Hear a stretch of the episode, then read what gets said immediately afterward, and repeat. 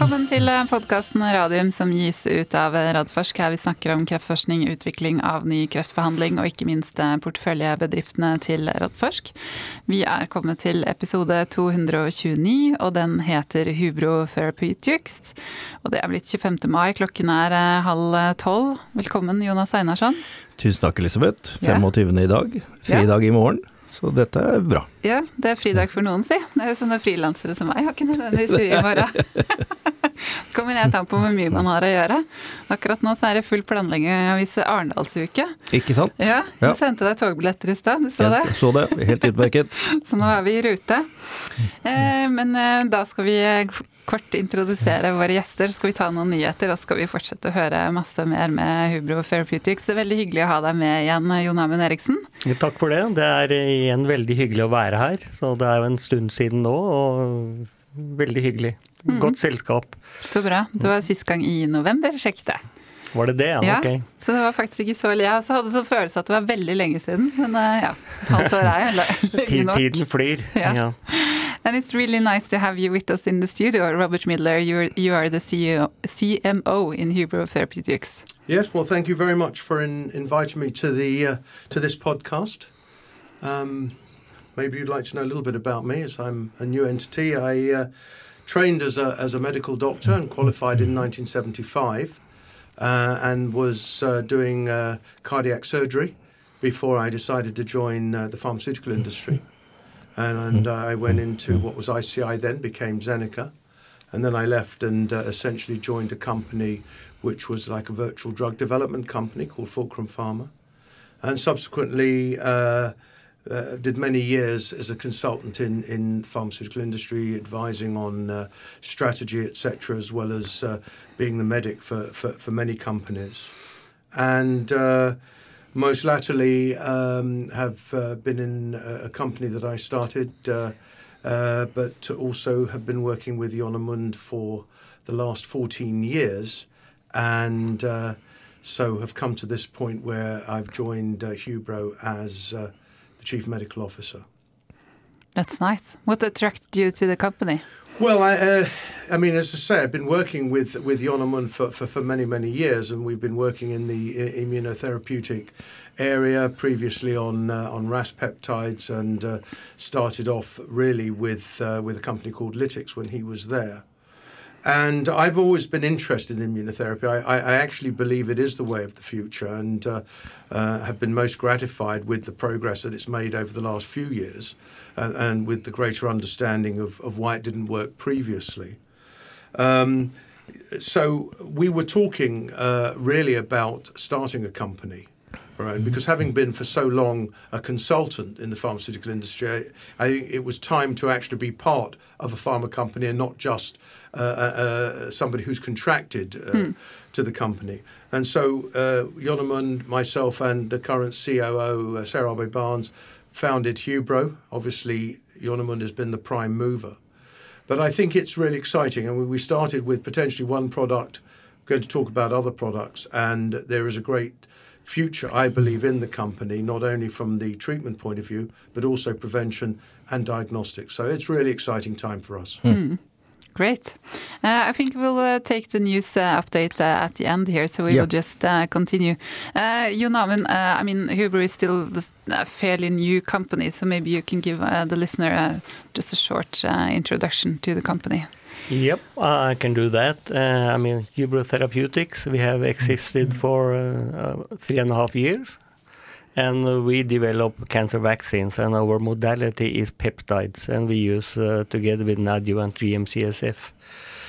And uh, our vaccine targets uh, frame shift mutations in uh, in genes that are associated or all even causing a driver of cancer development.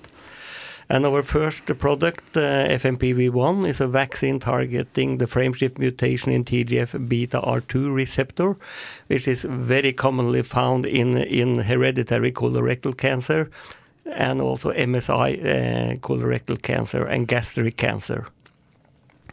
And in addition to FMPV1, we have also started to develop our two next uh, vaccines. Uh, it's still very early, but it's uh, FMPV2. It targets the frameshift mutation in ASTE1, which is very frequently found in endometrial cancer. And uh, the, the, last vaccine we are developing now is uh, FMPV3, and that's uh, the intention there is to to develop that as a uh, therapeutic, or not therapeutic vaccine, but a prophylactic vaccine for prevention uh, of cancer development in high risk groups like Lynch syndrome. Hmm. That's hereditary cancers. And uh, we believe uh, that uh, the targets we are using in the vaccines, they are really, really some of the drivers of developing hereditary cancers. That's very exciting if you can um, go into that area. It is, it mm is, and we, I think we, we have good plans, and it's it might be a long run for uh, for uh, a prophylactic vaccines, but it's it's it's not impossible, and we think we also have good ideas that will cut down the time. Mm because it's it's it's a little bit different from uh, therapeutic vaccines, where we also have to, of course, demonstrate the clinical efficacy in cancer patients. But uh, the first steps of a prophylactic vaccine is simply to demonstrate the immunogenicity, the immune potential of the of the vaccine, and uh, a lot of that can be done in healthy volunteers. Mm. Mm. That's a good bridge over to my next uh, question, which is actually that you have uh, uh, fully enrolled your phase one study in, in healthy volunteers with the first uh, vaccine events in the FMP1. Um, can you tell us more about uh, the candidate and then move over to the to the study? And also, if you can tell a bit more about the healthy volunteers and not the actual cancer patients why, you're going this way. Yeah, I can, I can do that briefly, and uh, then I leave the word to Robert to, to say a little bit more about the phase one study and healthy volunteers and so on. Yes, the the, the vaccine that uh, targets the frame shift in TGF beta R2 highly associated with hereditary colorectal cancer and gastric cancer. And uh, we believe it's uh, good to start in healthy volunteers simply to demonstrate the immunological potential of the vaccine. So that will also give us an indication of what we can expect in cancer patients uh, later. Hmm. So, Robert, maybe you can say something about the study we are yeah, doing I, at the moment. Just, just to, to elaborate really on that is that the, uh, you know the the uh, the mode of action of FMPV one in combination with the adjuvant that we're using, which is GM-CSF, is, is to generate an immune response, which can be done in anybody. Uh, and, uh, you know, cancer patients are very precious patients. Uh, and obviously more difficult to recruit. So it made much more sense to do that. There is no uh, theoretical risk to healthy volunteers getting uh, this vaccine, if uh, and if they did have undisclosed Lynch syndrome, for example, then in fact it might even be a benefit. But we decided to go this way so that we could uh, decide a dose and make sure that it was safe uh, to use going forward into the clinical uh, studies with patients. Um, as you say, uh, we uh, have fully recruited uh, the two cohorts we planned. Each cohort has eight subjects, and um, there is there is no placebo in here because everyone is getting the FMPV1 and GM-CSF. And in the first cohort, our aim was to get at least six out of eight uh, positive delayed type hypersensitivity DTH reactions. We are also measuring the T cells, but that, of course, takes longer. And we saw that in seven out of the eight uh, mm. subjects.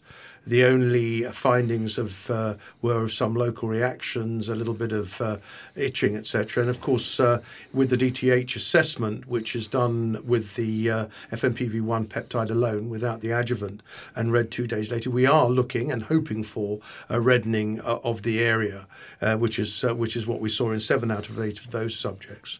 Uh, the current cohort fully recruited. Again, there have been no safety issues. Um, they have two assessments for DTH. Uh, one is after uh, three vaccinations and occurs at day, uh, we give it at day 29, read at day 31 Uh, and that's just been done, and four out of the eight subjects have already shown a positive DTH response, which is similar to what we saw in the first cohort. And we hope to get the full cohort's second DTH assessments, which is done uh, on the day 41 injection, read on day 43 next week. And uh, we're fully confident that we should see that. And on that basis, we've already decided that we have the right dose, excuse me, to go forward into into pa- into a patient study. Mm. So we're very happy with the way things have gone. Phase one unit have performed extremely well, and. Um, uh, we've had no dropouts or any uh, significant safety issues. Certainly, no uh, subjects have dropped out because of hmm. adverse mm. events. Mm. That's, that's, really uh, great. Yeah, that's very, very good, Robert. I, I, I think I will uh, hop in here and uh, just give a little bit of translation in, in Norwegian. that's good. Because it's, it's, it's, a lot of new words for our listeners too. Very good. Yeah. Så det de har gjort, er altså å gjøre en, en undersøkelse i friske frivillige. Når vi bestemte oss for det, så var jeg også med og var styreleder i, i selskap, så Radforsk har jeg vært med fra dag én. Eh, og det vi fant ut da, var at eh, det var mye raskere, og vi fikk akkurat de resultatene vi ønsket oss, nemlig en immunrespons, og det er det Robert snakker om. Når han eh, snakker om DHT, så er det det vi i gamle dager kalte for en Pirquet-prøve.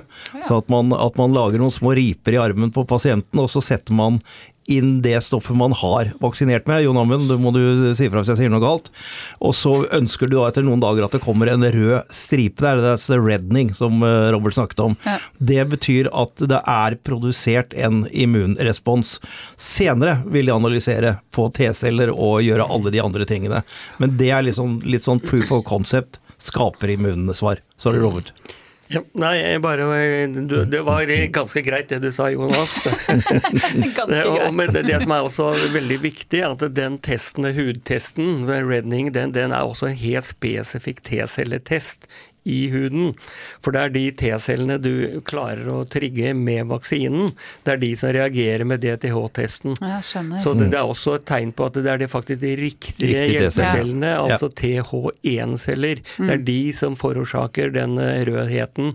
Mm. Så, så, vi kan vel allerede si nå at vi, eh, det, vi, vi har validert FMPV1 som en vaksine som gir den riktige immunresponsen. Ja. Mm. Så, så det, er, eh, det, er, ganske mye verdt. Mm. Veldig bra. Let's switch. Then we can switch back to It's just uh, yeah, but it's good good to have it in Norwegian as well. Uh, but uh, how will you follow up now to to uh, look at the immune responses from these uh, healthy volunteers? Will you uh, make an assessment of that? And we will continue with the DTHs, uh, have a full readout uh, of all the 16 patients uh, next week. Mm. And then, of course, we have sampled uh, blood samples from all of the subjects at baseline and also at uh, later in the study. So we will compare the level of T cells specific for the vaccine at baseline and the increase during the vaccination. Mm. And that is, is ongoing for the first uh, cohort. And we will start uh, the, the next cohort when we get the samples shipped from uh, Quotients to, to the lab here at the OCC. Mm. So I think we have to wait uh, for a few weeks actually because it takes some time to do the T cell assays, the, mm. testing the cells. Mm. But it's true to say that the DTH, uh, a positive DTH, is a T cell reaction. So mm. they must have generated T cells. They were all negative at baseline, so it hmm. wasn't because they already had hmm. these T cells circulating. Hmm. Okay. And and with this uh, data from the phase one, will you publish them, or how do you plan to to make it public? We, we will publish all our our research, in, mm. and we think it's important. Um, it's uh, I think it takes people by surprise when you actually have a product which is for cancer patients that you do in healthy volunteers, mm. but with more targeted therapies which don't theoretically have any risk to healthy volunteers because they don't display the target, but the, uh, and particularly if, as in this case, these mutations are not expressed in normal cells, um, it, it is a perfectly reasonable and mm. I believe a sensible approach before going into patients and offering them a new treatment, mm. particularly in the type of patients that we're going to talk about with the phase two. Mm. Yeah, but, but I fully agree, Robert, because we are actually we are the aim is of course to cure cancer patients yes. and also to prevent cancer, but we are not actually doing cancer therapy. We are doing immune therapy. So it's how the immune system reacts. That that's what we are after, and that's why I fully agree that it's very reasonable to start with with uh, healthy volunteers. Hmm. We also had uh, another company who who has done that, PCI Biotech. Yeah, yeah, with their fimaVACC. Uh, um, yeah, and uh, maybe we can move over then to how you will develop FMPV one further. Because now we have to go into actual cancer patients. Yes, I can say a little bit uh, upfront that we we are of course uh, busy planning the follow-up uh, phase two study in in uh, cancer patients colorectal cancer MSI high cancer patients. And Robert, uh, maybe you can see say a little bit about the strategy, yes. design, where we are in the process. So um, we know that this particular frameshift mutation is highly expressed in patients who have uh, MSI high microsatellite instability um, uh, colorectal cancer. Uh, and so our plan is to go into a study where we're going to be looking at these specific patients. Now, MSI high uh, patients are now eligible for first line treatment with uh, checkpoint inhibitors. And in fact, there was a big study well, it was uh, an important study, I should say, published a couple of years ago, uh, Keynote 177, uh, which was with the checkpoint inhibitor pembrolizumab, which showed that, in fact, in patients with MSI high colorectal cancer, they had better results than patients who received conventional chemotherapy. So, whereas previously it was second line treatment, it's now first line treatment for, for, for that type of colorectal cancer. But having said that, the response rate was only 40 to 44%. So, there are still more than 50% of patients who should have hmm. uh, responded who didn't.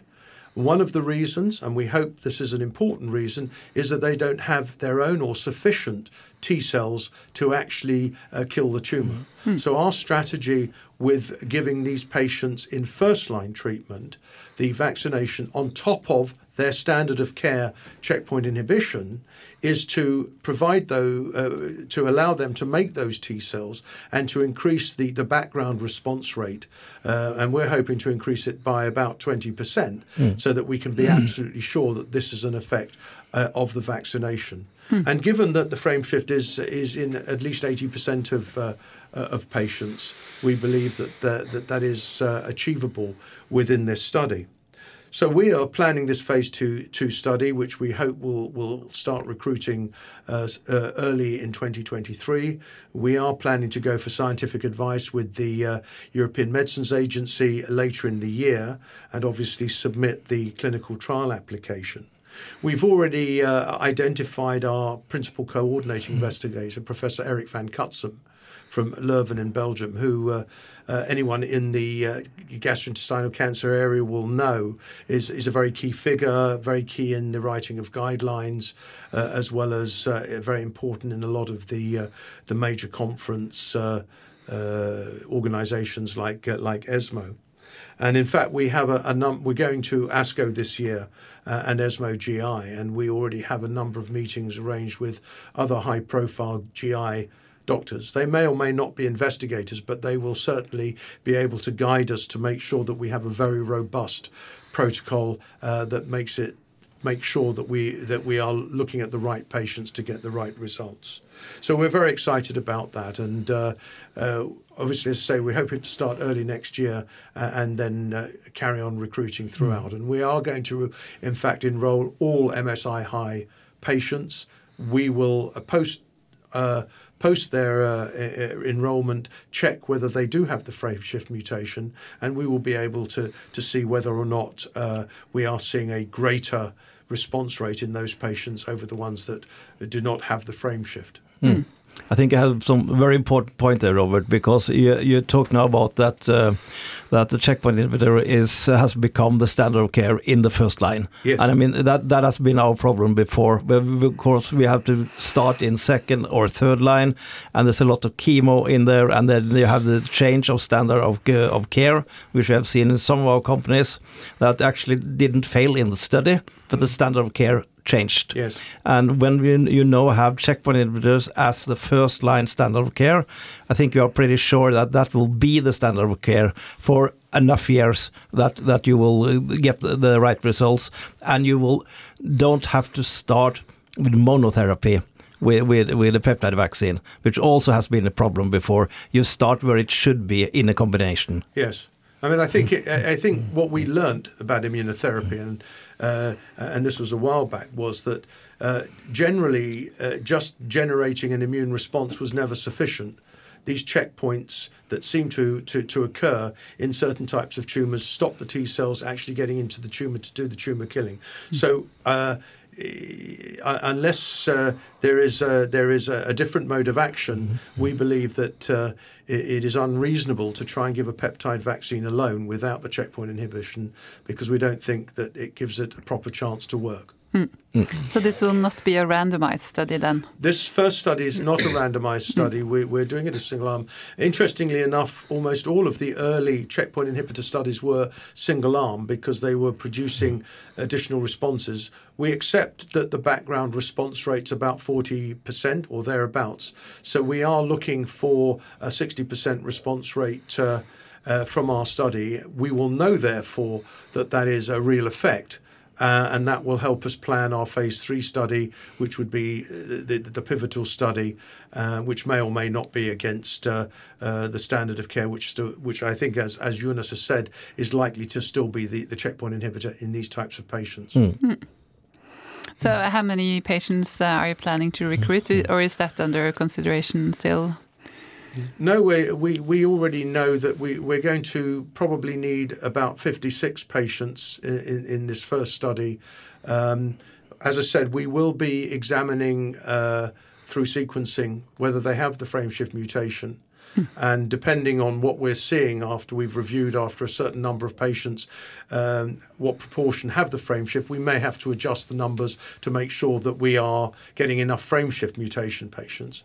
Uh, we, we, you know, we, we don't know whether we would have an effect if they don't have the frameshift.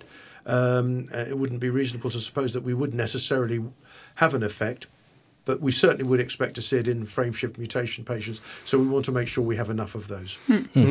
I I can also say that uh, the basis for uh, the, the number of patients is literature that uh, it's presented or reported that you find the frameshift mutation in about 80% of the patients.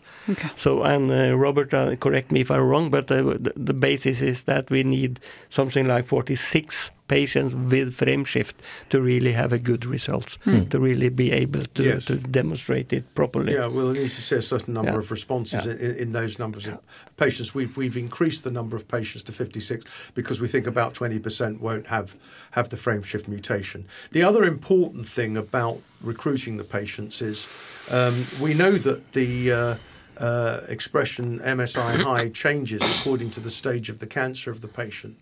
But we mm. are only going to be recruiting patients who would be eligible for the standard of care uh, checkpoint inhibitor. So we are going into those patients and we are adding on to that standard of care. Mm. Mm. Uh, so essentially, we would be expecting that the patients will be receiving that treatment. So even if the vaccine didn't work, which of course we hope it will do, they will still be getting the treatment which is considered their first line and the optimal treatment for their particular cancer. I think this from a financial point of view. Uh, if you do do it like this, and the, the you actually the patients are going to receive the standard of care, then Hubro don't have to pay for the checkpoint uh, inhibitor or have to go into collaboration. That was my next question. Sorry, Elizabeth. That's fine. it's a good question. It was actually a listener question, not mine. No, I think that that's right, and uh, I think uh, Robert again can tell us more about this. But we are we are in the process of that. That's an important point when we talk to the investigators. Of course, will they provide the standard of care uh, checkpoint inhibition?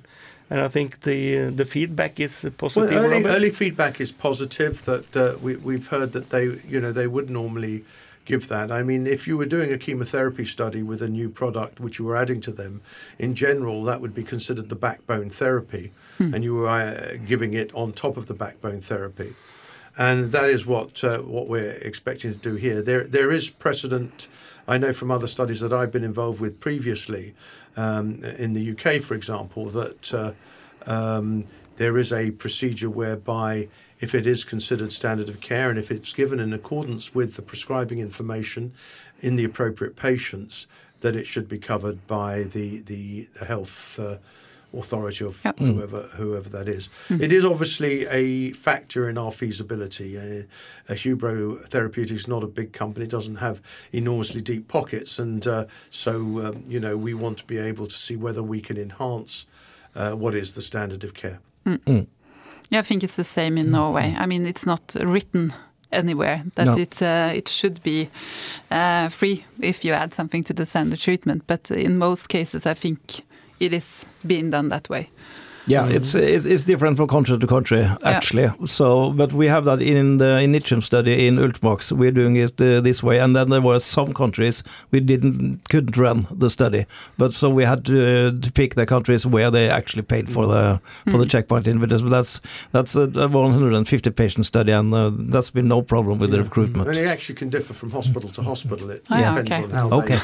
The, you know, sometimes the hospitals are very keen for everything to be paid for. Yeah, Yeah. sure. Mm-hmm. Yeah. I think we- we have the same strategy that we will try to avoid countries or hospitals that will not uh, supply mm. the standard of care. Mm. Okay, mm. good. That was actually my next question. Which countries are you aiming for? But then you're We're, we're aiming currently to we're, we're aiming to do this study in Europe in Yeah. the first instance. So we're we're staying in Europe. Okay, good. Uh, should we move over to the to the other candidates you have in your pipeline then? If you can say uh, a bit more about them and Yeah. uh, how We- they are progressing. Yes, uh, since the last podcast in November, we had only we had only FMPV one in development.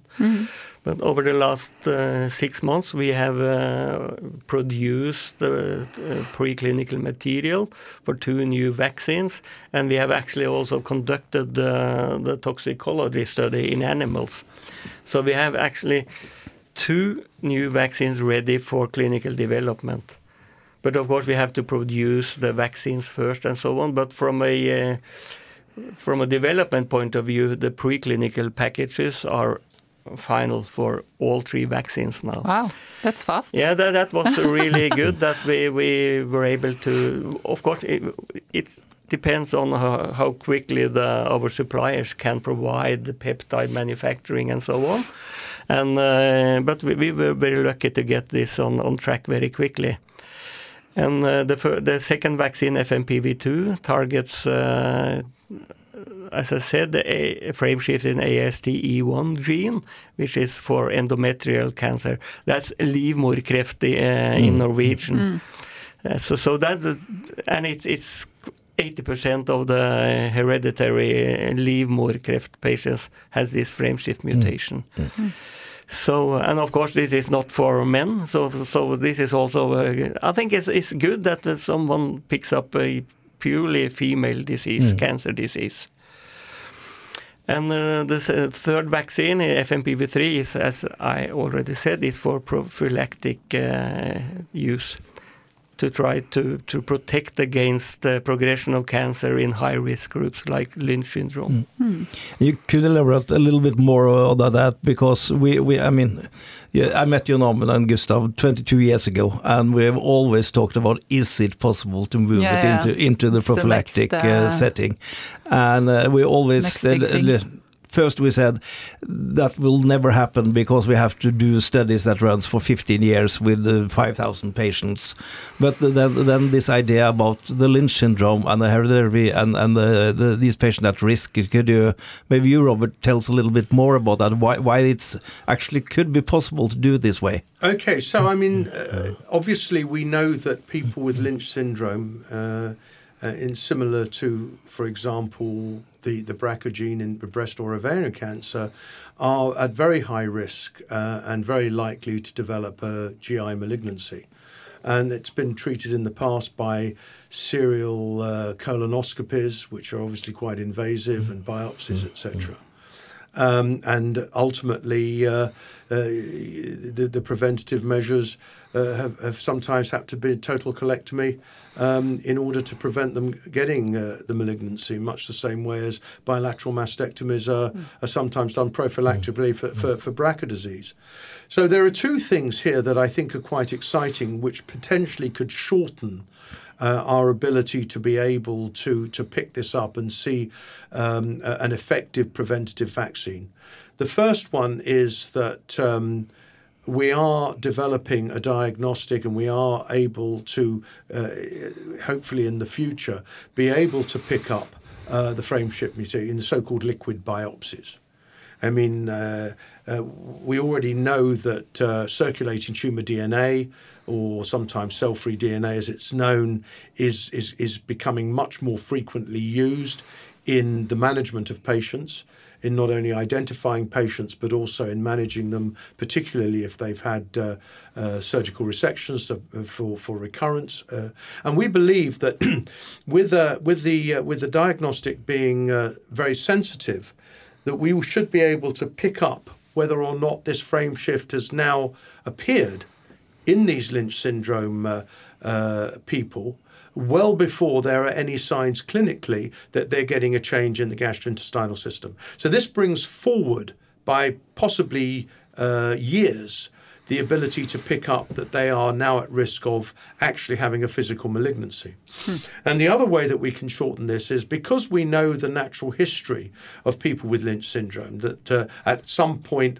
in their life, over a period of years, they will then transform to potential malignancy. We can then look at the patients who are perhaps further along in their sort of Lynch life cycle so that we're closer to the time when they might be starting to develop that cancer, uh, vaccinate early uh, at that point in order to prevent the appearance of the frame shift using the diagnostic. And similarly, even if they haven't so far developed clinical cancer, but they have got uh, a finding of the mutation on the diagnostic, we could vaccinate those in order to see whether that prevents any further progression, and indeed may even cause mm. regression of uh, of uh, of those tumor DNA. Mm. Uh, so I think there is an exciting way to do this. It's still a longish study, mm. no question. Um, but we would hope that by the time that we get to the FMPV3 prophylactic study, which, as Jon Amund has said, is reasonable to do uh, to start with in healthy volunteers because in a sense these Lynch syndrome uh, people are healthy volunteers are healthy hmm. in, in, all other respects um, we should have been able to demonstrate with our FMPV1 and FMPV2 that these vaccines do work. Hmm. Of course, uh, the lower the tumor burden, the better chance uh, uh, you know immunotherapy is going to work. And that's why so much immunotherapy is sometimes put into the uh, adjuvant setting, looking to try and prevent recurrence. But that is, I think, our strategy mm, for FMPV3, mm. and I think you know that will allow us to, to, to shorten the time frame that, as Jonas has said, is normally quite a long time. Mm. Yes, I would just like to add a little bit on on the diagnostic uh, tools we are talking about, and that is, I mean, the frame shift they are highly specific for cancer cells. You don't find it in any other cells than cancer cells. And therefore, if it appears DNA fragments uh, reflecting the frameshift in the bloodstream, then you can take a liquid biopsy, which is a, a blood sample. Mm. And we have already we, we have come a long way with uh, developing our uh, uh, test a PCR method for detecting the frame shift in liquid biopsies in the blood. So we think that for Lynch syndrome we could use that test as a hopefully as a biomarker. That's what Robert said mm. actually. Mm. That we select really try to identify and select a good pop Lynch syndrome population to go in, and we can vaccinate, and then we could use our test to monitor, use it as a biomarker. And so, that, that, that could theoretically be the primary endpoint of such a study that you find the circulating tumor DNA and you vaccinate and, and you monitor it, and if it goes down, then you, you are doing doing the job, and and then that is how you you sort of monitor a vaccine it's it's by they're actually giving the immune response. So there are some possibilities here that uh, it's never been done before, but it's uh, it's really exciting. Well, I mean, I think there are two things though. Either they don't develop, the diagnostic Yeah. remains negative, or if we do discover that they have got circulating DNA with the mutation, that as you say, it goes down and uh, or, or, or disappears. So I think that really is it's it's quite important in, in terms of that.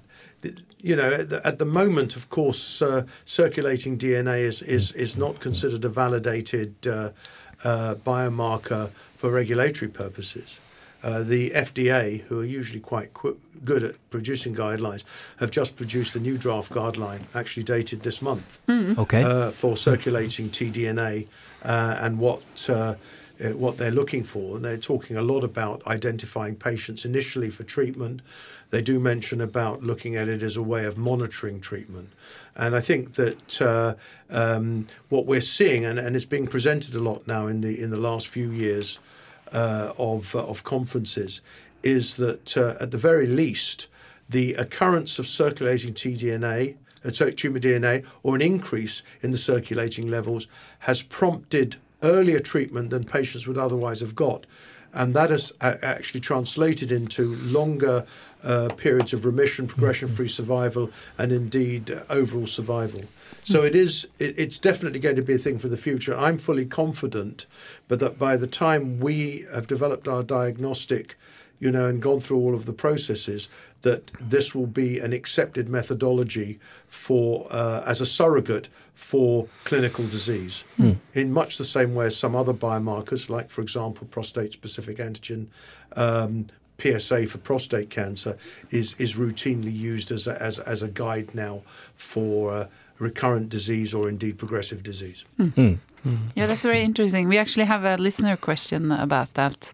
Uh, if you, to, um, the question is, can you ask uh, the guest to discuss the new guidance on the use of circulating ctDNA in clinical trials and how it may affect vaccine development in the future? Which I think you answered out now. But if yeah, you, yeah, absolutely. Yeah. Mhm. It's really good, great. But uh, what are the timelines now for the the second, so the second and the third vaccine? Uh, so you said you have the preclinical job done. Yes, and it looks good. We haven't had the full report from the tox study yet, but but we know the the, the results actually. Um, and uh, so so we are with the two new vaccine exactly at the same spot as we were with FMPV one one year ago. And uh, so the company will take the the decision to take that into clinical development, and of course that will have to start with manufacturing of the peptides and the vaccines, and that takes. I think it will take us about a year from when we start. Of course, we don't have the money for that now, but Huh. but we have to, to do the fundraising to, to really to hmm. support the new two, two new products. What I what I would say is though that we're not we're not sitting on our hands waiting. Uh, there is actually a, a, gynae uh, uh, conference, a cancer conference uh, in mid June, and we're going to start engaging with some of the gynecologists, really just to test the water as to how they feel about. Uh, uh, a study which we'll be doing in the future, um, which will be in MSI high endometrial cancer and uh, again to, to start if you like sowing the seeds for that study when we get uh, the the information that we need to, to say that it makes sense to go ahead. We're not planning uh, necessarily to do a healthy volunteer study before that one because we believe that what we will have seen with FMPV1 uh, will be sufficient information. But uh, nonetheless, we are we are making progress towards doing that uh, and getting that up and running just as soon as it makes sense. So, so, so we, we are of course uh, always looking for opportunities to raise uh, money to support our programs. So since it's only six months uh, since we actually took the two new vaccines into the preclinical development, we are of course now looking at the possibility of financing also these two products, and we are in the, that process now. And uh, if everything goes as the markets are very difficult at the moment, of course. Yes, There's a lot are. of uh, reasons for that, Yeah. but uh, we aim at uh, trying to, to raise money in uh, in second half of this year, hopefully as early as possible after uh, the summer vacation, maybe September, October. This we have to, to plan more properly, but that, uh, pro- properly, but that's uh, at least our plan at the moment. And if we can follow that plan and do the fundraising, we could aim at having the first clinical studies with the two new vaccines in first half of 2024. Yeah. I think it's it, it's, it's important that uh, Jon Amund said that uh, we we founded this company three and a half year ago. Yeah, that's so fast. We have you have Yeah. results from uh, the phase one uh, healthy volunteers. You're ready to enter into a, a very good looking uh, phase two study. And uh, you have these two other candidates, and uh, almost uh, at home with the diagnostic, and uh, in three and a half year. And why this has gone so fast is because you you guys are are uh, having 30 years of uh, each of you in, in this area of expertise and competence, and we have learned a lot during these years. So I think that that's the main reason why we really are moving that fast.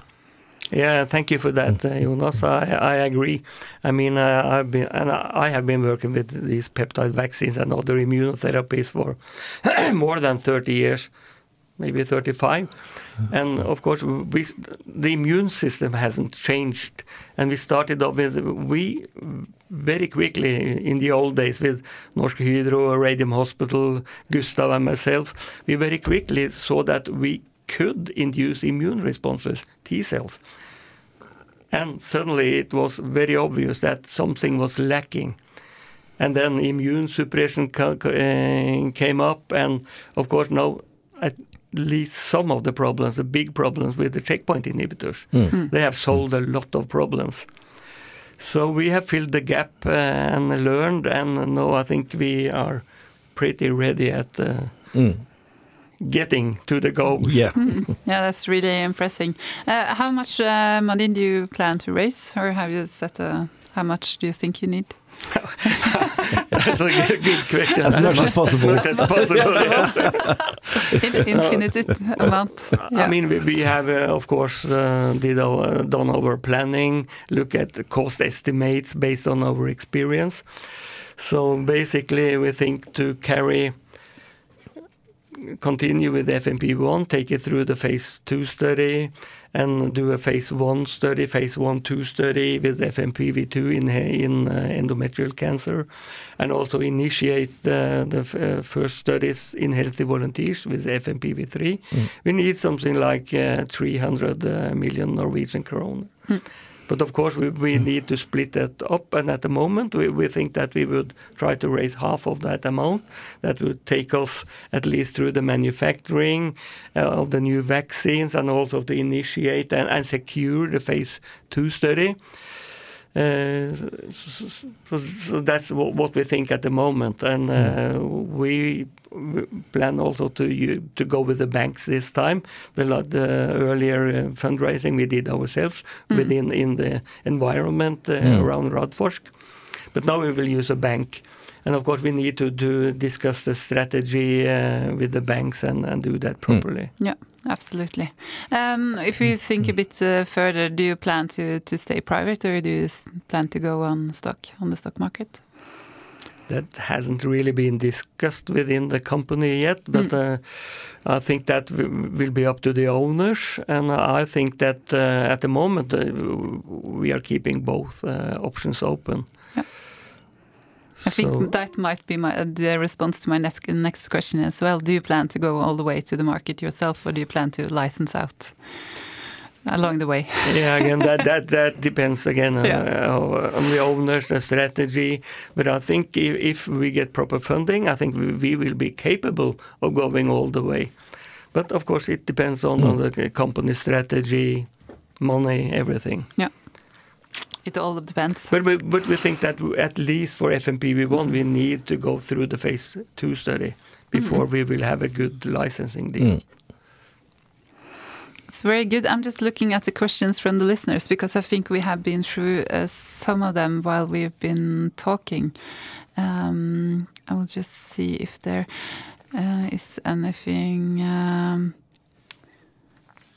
yeah, it's it's one one question about FMPV3 which we can take. I don't think we have been into that uh, specifically. Uh, it says uh, the listener says this is very exciting, but will phase two here be too big to be lifted by a small biotech company? Uh, have you talked to larger companies to contribute here, and if so, is there any interest out there for this? I think generally I can say that the interest for for cancer prevention, immunotherapy for cancer prevention, is great. I mean, I, I attended uh, the AACR in uh, New Orleans in in April. Everybody was really talking about that would be the next step Mm. for cancer immunotherapy would be protection. And of course, it's the risk groups, Lynch syndrome, and our targets, the, what we use in the vaccines, are, are probably the, the optimal targets uh, that we know of at the moment. So I think that part of it, the interest is good, but of course it's early. We haven't talked to potential partners No. yet. And, and regarding the size of the study, I think you, Robert, have already said that we, we see that there might be, if we do proper selection of patients and and so on, we could do that. Maybe you can. Yeah, I mean, I, I, we haven't done the statistics on it, but obviously uh, it will also depend on whether or not we're. I, I see, as I said before, two types of uh, o- of people entering the study: those that have uh, Lynch syndrome, or at least they have a family history of Lynch syndrome, and who who who are old enough to be, if you like, getting into the danger zone, uh, the dangerous ages for development. And those that have no clinical signs but who now are showing positive uh, mutations on the on the liquid biopsy.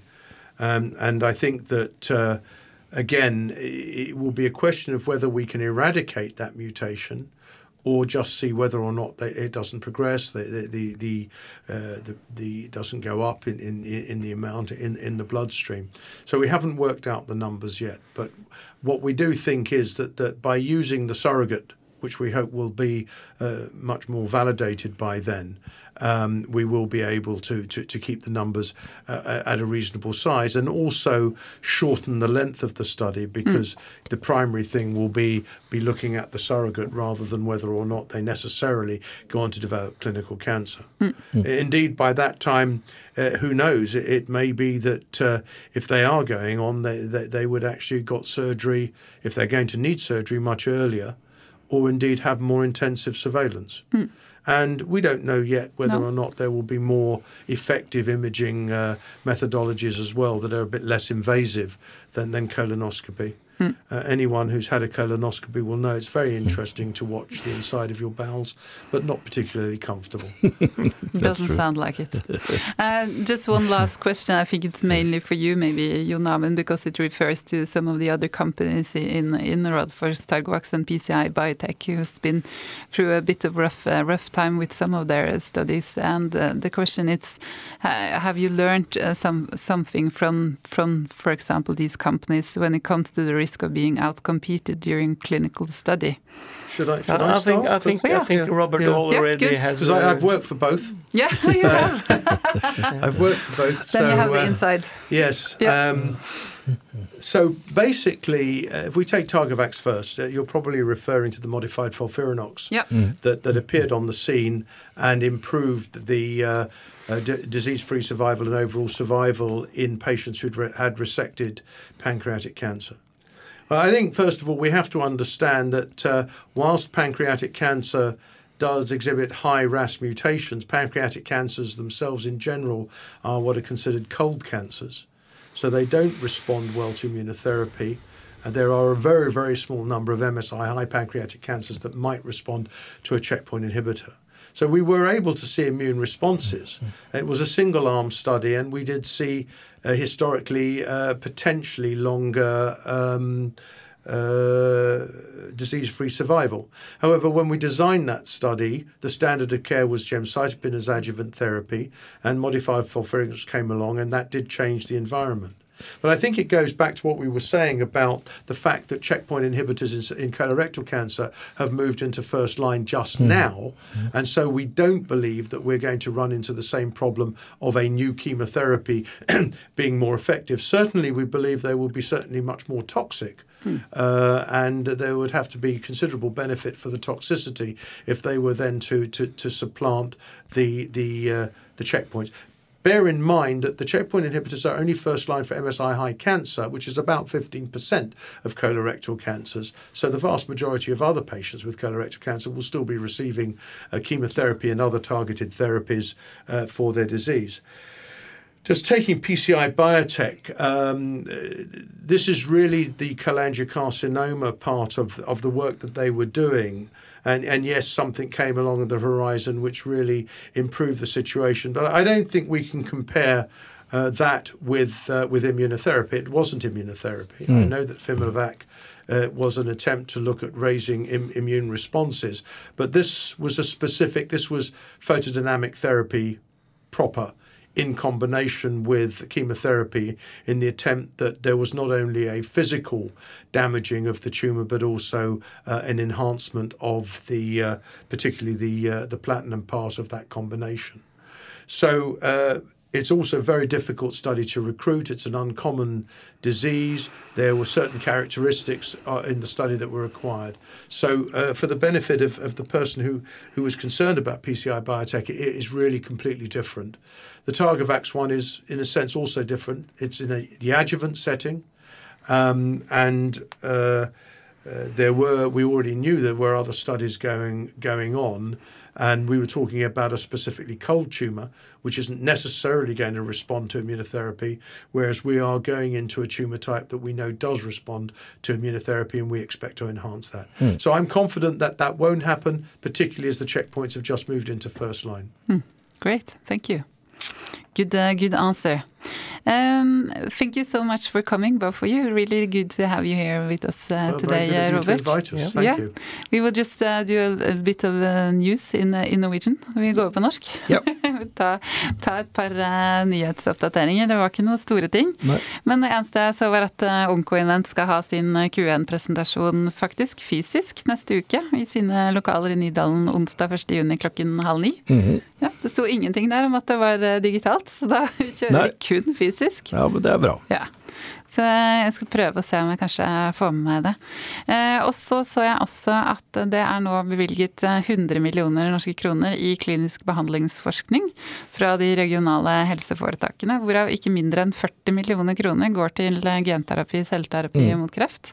Eh, de ene 20 går til um, Bjørn Tore Gjertsen for klinisk evaluering av CD37 CAR-10 i AML. Og de 20 millioner går til Jochen Büchner, veldig kjent barnelege på, på Rikshospitalet, eh, for å eh, for en første First in Man-trial eh, på genetisk modifiserte TCR-T-celler. Dette er en mm. del av gruppa til Johanna Olves, er ja, ikke det? Eller ja. dette er produktet hennes? Ja, ja. det er en TCR. Og så er det da CAR10, og, det er CD37 som jo er kjempe, kjempespennende. Så begge, begge dette er, er, et spennende studie. Jeg, jeg, vet ikke helt, jeg har ikke sett studien. Jeg prøvde å leite i stad, men eh, jeg fant ikke noe om selve studien. Men uh, veldig spennende felt. Det ligger sikkert i eh, søknadspapirene til de regionale helseforetakene. Veldig spennende studier, og veldig spennende områder. Og eh, mye penger også. Veldig bra. Ja, mm. det er veldig bra å se. Eh, I forhold til neste uke så har vi eh, to podkaster. For vi klarer jo ikke å lære at vi ikke må lage så mye jobb for oss selv. Men på tirsdag så får vi med oss Einar Andreassen, som er fungerende områdedirektør for metodevurdering og refusjon i SLV. Så da fortsetter vi vår, vårt fokus på tilgang til ny behandling i Norge, og hvorfor det tar så lang tid. Så det ser jeg veldig fram til å få ja, Einar her i studio. Jeg syns det, det, blir veldig spennende for jeg vil gjerne bare få høre altså hvordan tenker han i SLB. Det er, de har vært utsatt for ganske mye kritikk, og Massiv også i, i, kritikk. i våre podkaster. Og da syns jeg det er kjempefint å slippe de til, og så virkelig få høre hva de tenker, og Ja. hvordan, hvordan de resonnerer rundt dette. Mm, det ser jeg også virkelig frem til. Også på onsdagen på vår regulære opptakstid så skal vi ha med oss Geir Hiller Holom igjen. Han er biotekanalytiker i DNB. Og da skal vi snakke spesielt om, om Nycode eh, og deres kapitalmarkedsdag, men vi må snakke litt om det generelle markedet nå. Ja. Det økonomiske markedet, eh, og spesielt hvor tøft det er for biotek og tech, eh, ikke bare i Norge, men eh, verden over. Kanskje han, har noe, kanskje han kan spå litt positivt om framtida? og når vi kommer oss ut av denne elenda.